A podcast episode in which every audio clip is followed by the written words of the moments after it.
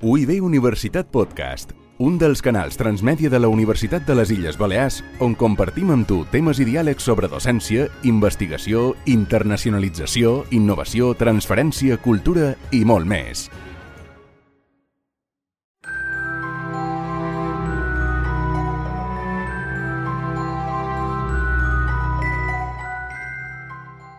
Cayetano Herrera és un alumne predoctoral a la UIB, investigador del Departament de Biologia i membre del Laboratori de Zoologia de la Universitat. En Cayetano, d'uns quants anys participant a Ciència per a tothom, i enguany no podia ser menys donant a conèixer el meravellós món de les abelles, les espècies amb les que comptem a les Balears, com són, quines amenaces tenen, i per què són tan importants i què podem fer també per ajudar-les. Molt bon dia, Cayetano, com estàs? Molt bon dia a tothom.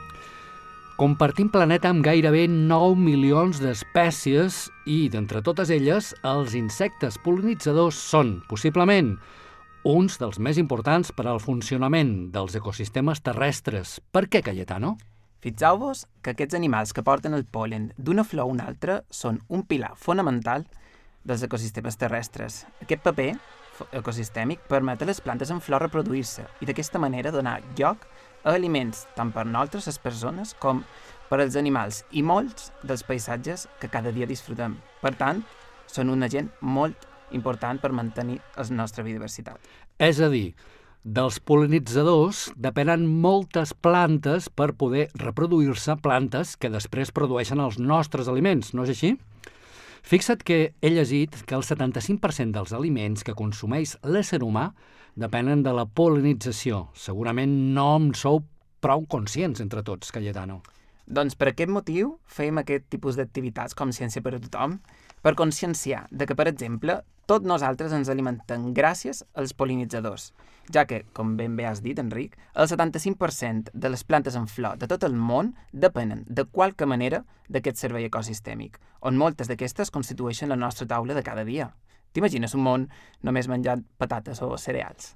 Patates i cereals. Mm, seria sa, però ens faltaria qualque cosa, no? També. Segu segurament. Els polinitzadors també proporcionen uns béns socials i culturals molt importants perquè ajuden a mantenir la diversitat i l'abundància de plantes silvestres que configuren els nostres paisatges. Tot i així, actualment quasi la meitat dels polinitzadors invertebrats s'enfronten al risc de l'extinció, en particular les abelles. Per quins motius? Doncs principalment és a causa de l'activitat humana. Per exemple, més del 40% de la superfície terrestre lliure de gel està modificada per l'home. Aquesta activitat, just antropogènica, fa que les abelles tinguin manca de recursos alimentaris o de nidificació, sumat a la pèrdua i fermentació, fermentació de l'hàbitat, l'ús indiscriminat de pesticides, espècies exòtiques invasores o canvi global. I què hi podem fer entre tots per protegir els polinitzadors i en particular les abelles?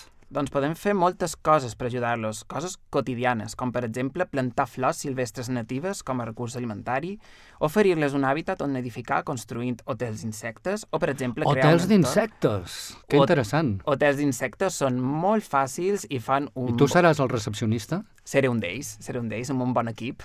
Les espècies invasores són un perill, però la vespa asiàtica ja no hi és, al manco a les Balears.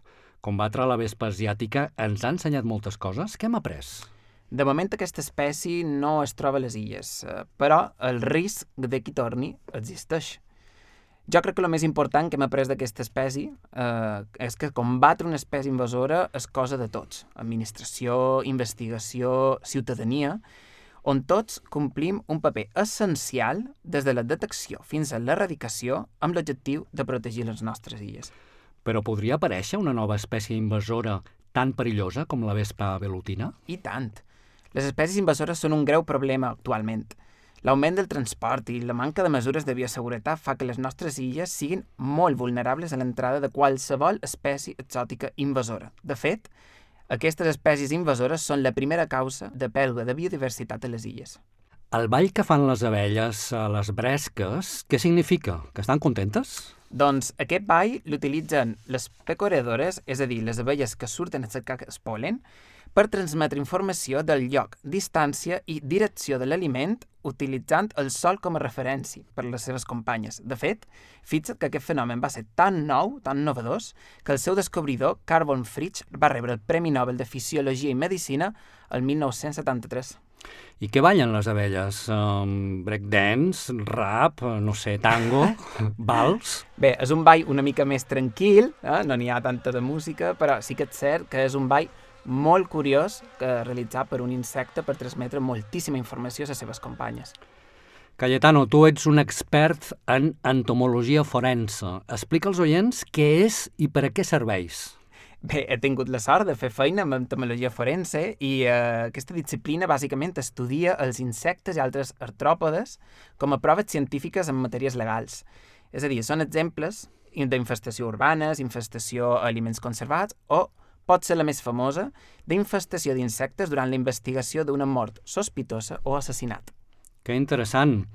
Per acabar, fes-nos agafar ganes d'anar a la fira i participar en el taller del que t'encarregaràs tu sobre les abelles, tot i que estic convençut que després d'escoltar-te ara mateix tothom ja s'ha mort de ganes per anar-hi.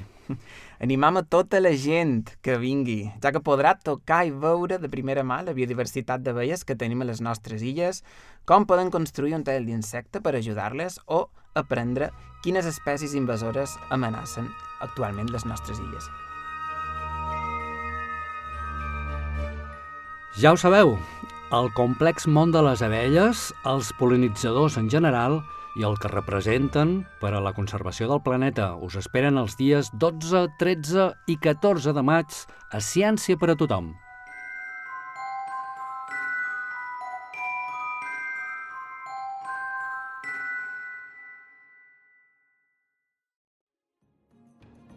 UIB Universitat Podcast, un dels canals transmèdia de la Universitat de les Illes Balears on compartim amb tu temes i diàlegs sobre docència, investigació, internacionalització, innovació, transferència, cultura i molt més.